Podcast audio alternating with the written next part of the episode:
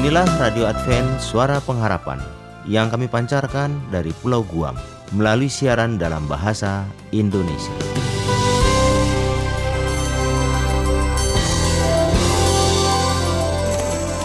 Salam sejahtera kepada saudara pendengar di mana pun Anda berada. Selamat berjumpa kembali dengan kami, Radio Advent Suara Pengharapan. Dengan senang hati, kami akan menemani Anda dan keluarga dengan rangkaian acara yang telah kami persiapkan bagi Anda sekeluarga. Harapan kami, kiranya siaran ini dapat bermanfaat dan menjadi berkat bagi kita semua. Selamat mengikuti dan selamat mendengarkan. Tuhan memberkati.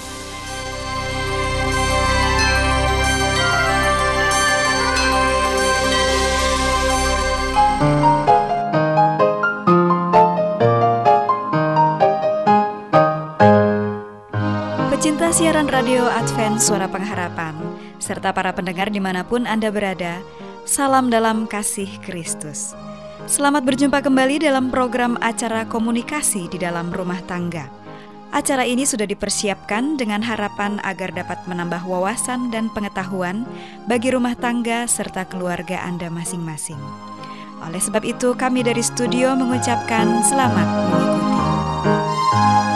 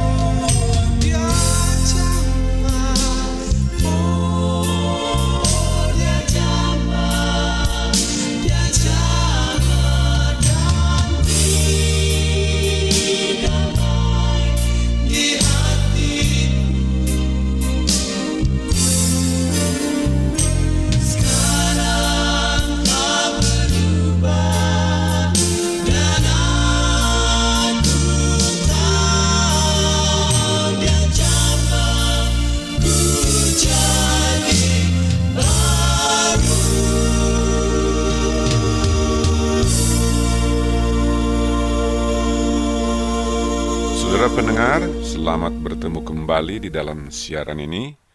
Mudah-mudahan Anda senantiasa berada dalam keadaan yang sehat walafiat dan kiranya berkat Tuhan senantiasa menjadi bagian Anda. Apakah Anda sendirian ataupun bersama keluarga Anda di dalam mendengarkan siaran kami ini? Kita sudah pernah membicarakan beberapa dasar komunikasi di dalam keluarga. Tetapi sejauh ini kita belum pernah menyinggung tentang masalah komunikator itu sendiri. Salah satu yang kita akan bicarakan pada saat ini adalah istri sebagai komunikator. Saudara pendengar, jarang memang kita mendengar di dalam rumah tangga kita, di mana pun Anda berada, bahwa sang istri adalah orang yang paling pasif berkomunikasi di dalam keluarga, Sebaliknya, justru yang kita selalu dengar atau mungkin mengalami sendiri di dalam rumah tangga kita masing-masing, bahwa istri adalah orang yang paling banyak berbicara di dalam keluarga. Saudara pendengar, mungkin sering kita dengar istilah istri bawel, seperti yang sering kita dengar di kota Jakarta ini. Akan tetapi banyak bicara memang merupakan salah satu sifat alamiah dari seorang wanita, bukan? Lepas dari masalah tersebut, sebenarnya orang yang banyak bicara atau bawel belum tentu ia komunikatif. Sebab sering kita hanya mendengar seseorang yang banyak berbicara, akan tetapi tidak jelas apa yang dibicarakan mungkin kata-kata yang diutarakan pun tidak bermakna sama sekali bagi orang lain. Itulah sebabnya sering kita mendengar seseorang yang banyak bicara, tetapi kita tidak dapat menangkap dengan jelas tentang apa sebenarnya maksud dari pembicaraan tersebut. Sudah pendengar, bila seseorang berbicara, tentu berarti ia sedang berkomunikasi dengan seseorang Dapat saja seseorang berbicara kepada diri sendiri, akan tetapi bila hal ini terjadi, umumnya dia hanya akan berbicara ke dalam hatinya sendiri. Walaupun karena satu dan lain hal, seorang dapat saja berbicara sendiri dengan nada agak keras. Akan tetapi kalau terlalu sering seorang berbicara kepada dirinya sendiri, kita dengan mudah menyimpulkan bahwa orang itu kurang waras. Sudah mendengar, seorang komunikator yang baik tentu dapat menyampaikan secara utuh maksud dan tujuan pemikirannya kepada orang lain. Kemudian orang lain tersebut dapat mengerti atau mempersepsikan seperti apa yang diharapkan oleh komunikator itu.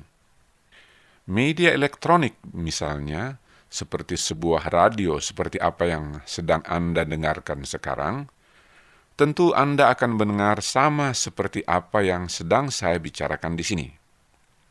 Misalnya, kalau saya mengatakan, "Apa kabar?" pasti di seberang sana atau di depan Anda juga akan terdengar persis kata-kata seperti apa yang saya ucapkan, "Apa kabar?" Dan tidak mungkin Anda mendengar kata-kata yang berbeda dari apa yang sedang saya bicarakan sekarang. Atau dengan kata lain, apa yang saya sampaikan di dalam siaran ini pasti kata-kata dan kalimat yang sama itulah yang Anda akan dengar. Berbeda misalnya bila Anda mendengar saya di depan televisi. Karena Anda tidak saja mendengar suara saya, akan tetapi Anda juga melihat wajah saya. Dalam hal ini, maka baik suara, baik wajah, baik penampilan, bahkan gerak-gerik saya pun akan turut berbicara kepada diri Anda dan secara utuh. Keseluruhan diri saya akan merupakan media komunikasi bagi pemirsa, bukan? Itulah sebabnya televisi memiliki kekuatan media yang disebut dengan audiovisual yang tidak dimiliki oleh media yang lain yakni orang dapat mendengar dan juga melihat. Saudara pendengar, berkomunikasi di dalam rumah tangga, seseorang tidak hanya berkomunikasi secara audiovisual saja, tetapi akan berkomunikasi secara utuh, yakni keseluruhan anggota tubuh kita, penampilan kita, termasuk pakaian tentunya, gerak-gerik kita, cara berkomunikasi kita, sehingga di dalam hal ini seseorang tidak hanya berkomunikasi melalui sebuah media, akan tetapi seluruh tubuh dan jiwanya turut menjadi media komunikasi. Demikian pula apabila seorang ibu rumah tangga sedang berkomunikasi dengan suaminya, berkomunikasi dengan anaknya, berkomunikasi dengan anggota keluarganya, atau bahkan berkomunikasi dengan para tetangganya, maka seluruh tubuh dan jiwanya akan menjadi media komunikasi. Kecuali apabila ia berbicara melalui telepon, ponsel, ataupun media yang lain, di mana hanya suaranya saja yang terdengar. Sudah mendengar? Seorang komunikator yang baik adalah seorang yang sadar tujuan komunikasinya untuk apa. Media komunikasi yang akan digunakan adalah apa? Apakah menggunakan sebuah media dan jenis media yang bagaimana agar komunikasinya dapat mencapai tujuannya? Saudara pendengar, seorang ibu rumah tangga paling tidak harus berkomunikasi dengan suaminya, dengan anak-anaknya, dengan pembantunya, dengan anggota keluarga yang lain, ataupun dengan para tetangganya.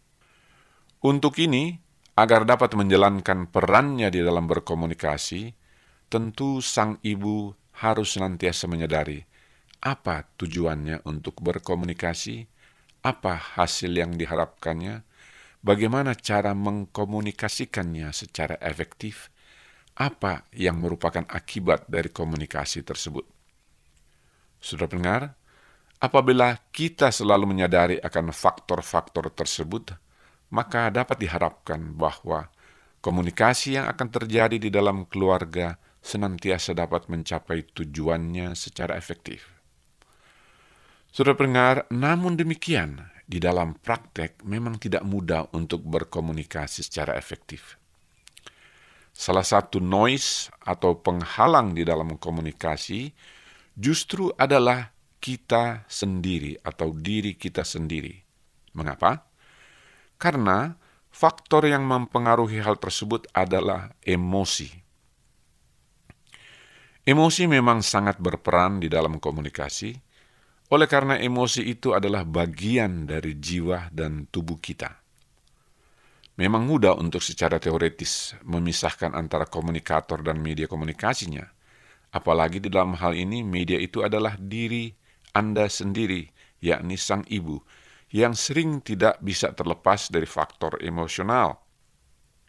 Walaupun dewasa ini patut diakui bahwa kebanyakan ibu-ibu rumah tangga dewasa ini adalah juga ibu-ibu yang aktif baik aktif membantu suami dalam mencari nafkah, ataupun memang seorang ibu yang giat di dalam segala hal teristimewa di dalam membina hubungan sosialnya.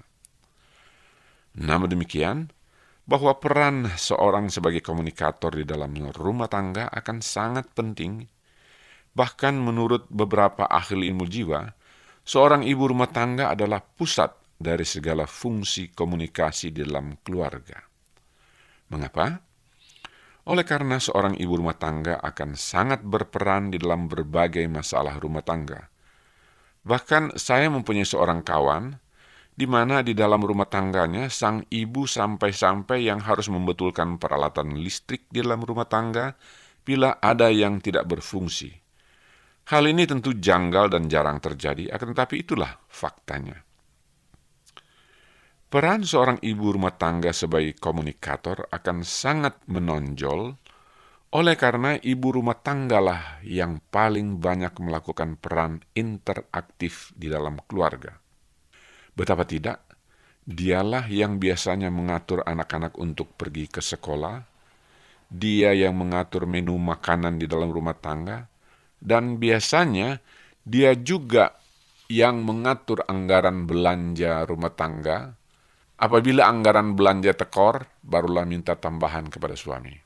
Bahkan biasanya, ibu sebagai istri yang mengatur segala keperluan suami bila hendak ke kantor, karena sering hanya dia yang mengetahui kemeja dan celana apa yang paling cocok kombinasinya untuk suami dan sang istri juga yang paling tahu dasi mana yang paling cocok untuk dipakai.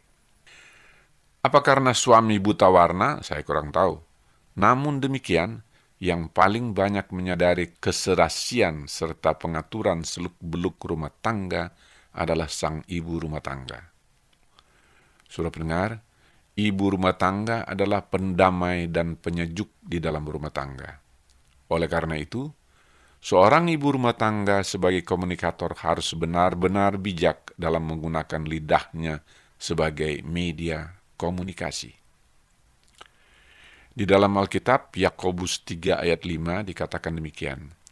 Demikian juga lidah, walaupun suatu anggota kecil dari tubuh, namun dapat memegahkan perkara-perkara yang besar.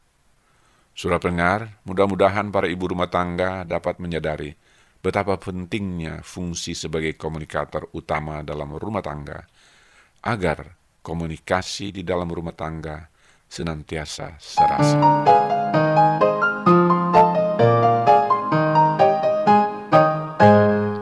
Demikianlah para pendengar setia yang dikasihi Yesus, program acara di dalam rumah tangga yang baru saja disampaikan. Besar harapan kami program ini dapat bermanfaat untuk kehidupan rumah tangga Anda, sehingga dapat semakin hari semakin mengarah kepada yang lebih baik. Kami yang bertugas dari studio saat ini mohon diri, sampai bertemu kembali pada waktu berikut. Salam dan doa kami mengiringi Anda sekalian. Kiranya Tuhan memberkati kita semua.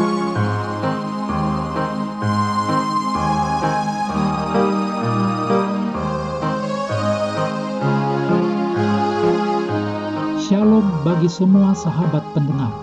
Kabar baik bahwa kisah dan kesaksian terkait siaran dan pelayanan AWR Indonesia kini dapat diikuti secara berkala baik melalui siaran harian Radio Advent Suara Pengharapan setiap minggu kedua dan keempat, juga melalui YouTube dan Facebook AWR Indonesia.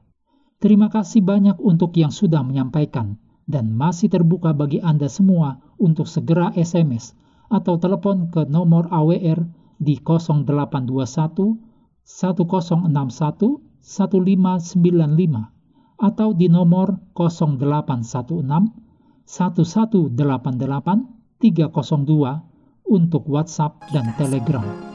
Kami tetap menunggu dukungan Anda.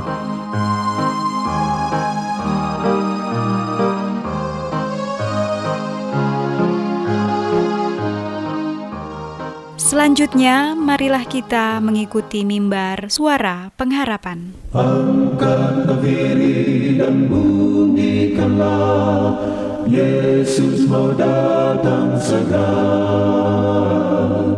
Nyanyi musafir dan pujikanlah Yesus mau Datang segera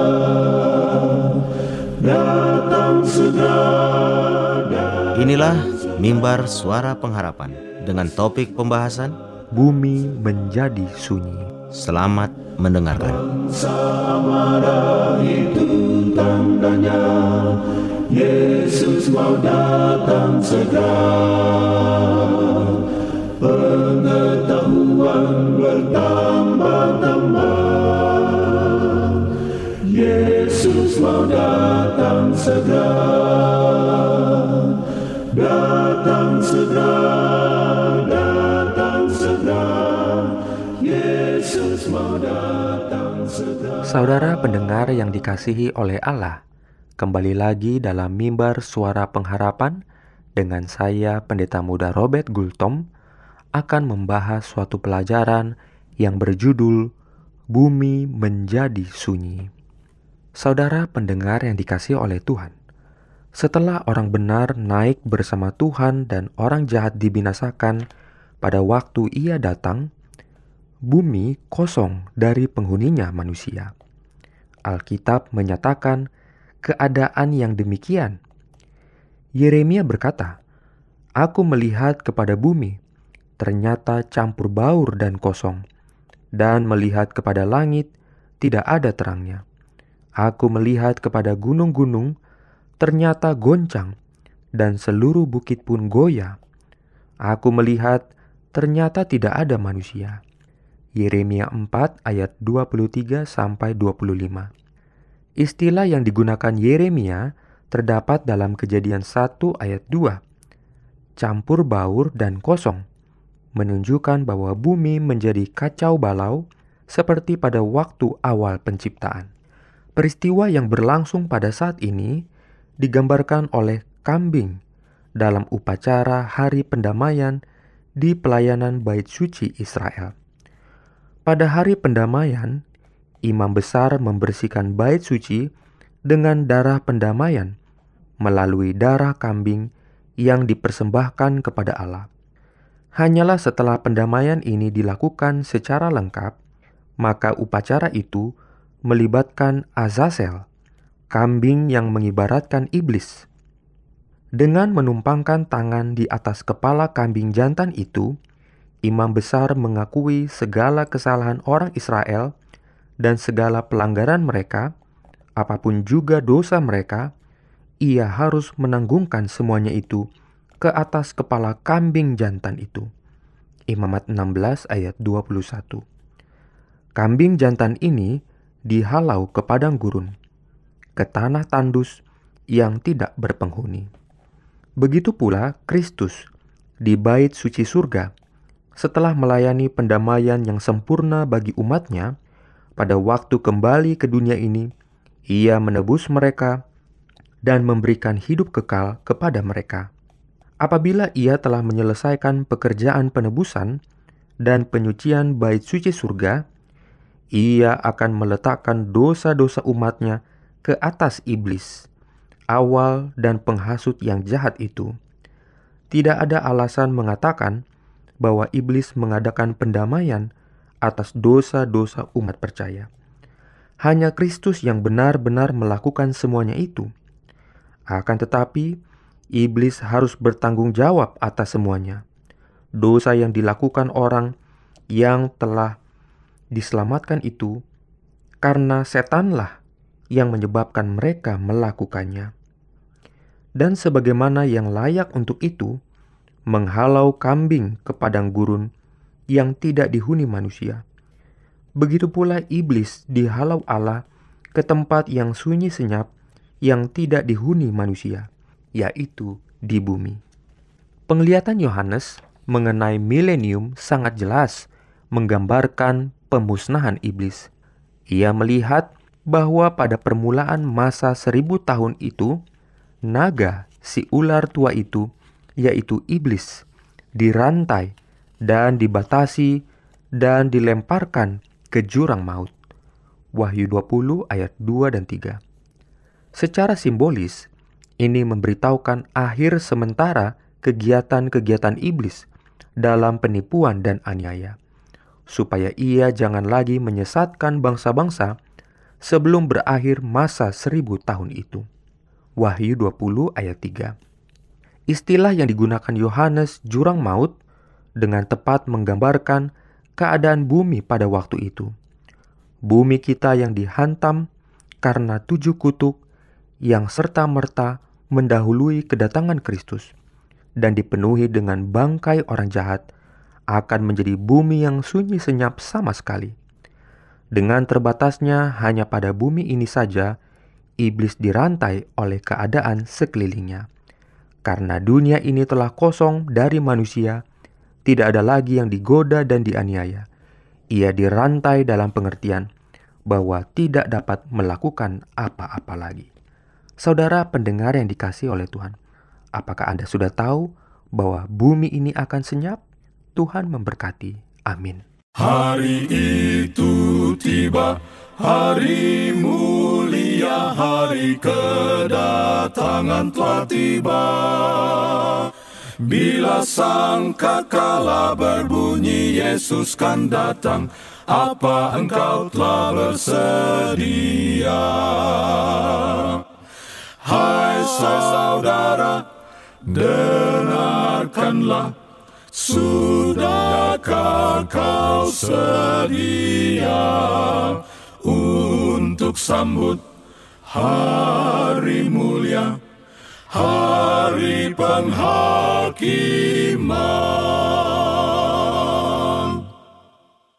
Hari itu tiba, hari bahagia bagi orang yang telah sedia menanti kedatangan dan bekerja untuk dia.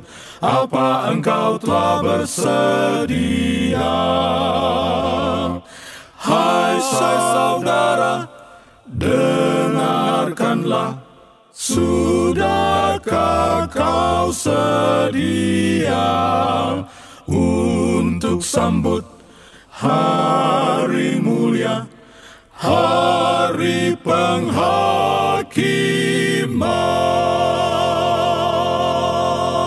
Demikianlah rangkaian acara yang dapat kami persembahkan hari ini. Dan apabila Anda mempunyai pertanyaan atau ingin mendapat pelajaran Alkitab penemuan baru, silahkan menghubungi kami, mengirimkan surat ke alamat Radio Advent Suara Pengharapan. PO Box 8090 Jakarta 12810 Indonesia. Anda juga dapat menghubungi kami melalui telepon atau SMS di nomor 0821 1061 1595 atau Anda dapat menulis di email kami awrindonesia@yahoo.co.id. Anda juga dapat bergabung di Facebook kami, pendengar Radio Advent Suara Pengharapan. Terima kasih kami ucapkan bagi Anda semua pendengar kami yang setia.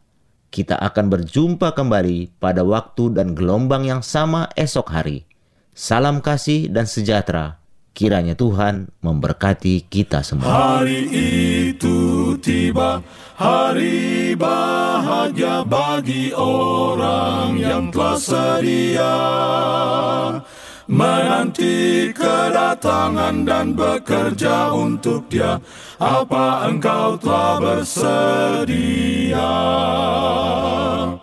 Hai saudara, dengarkanlah. Sudahkah kau sedia untuk sambut hari mulia, hari penghakiman?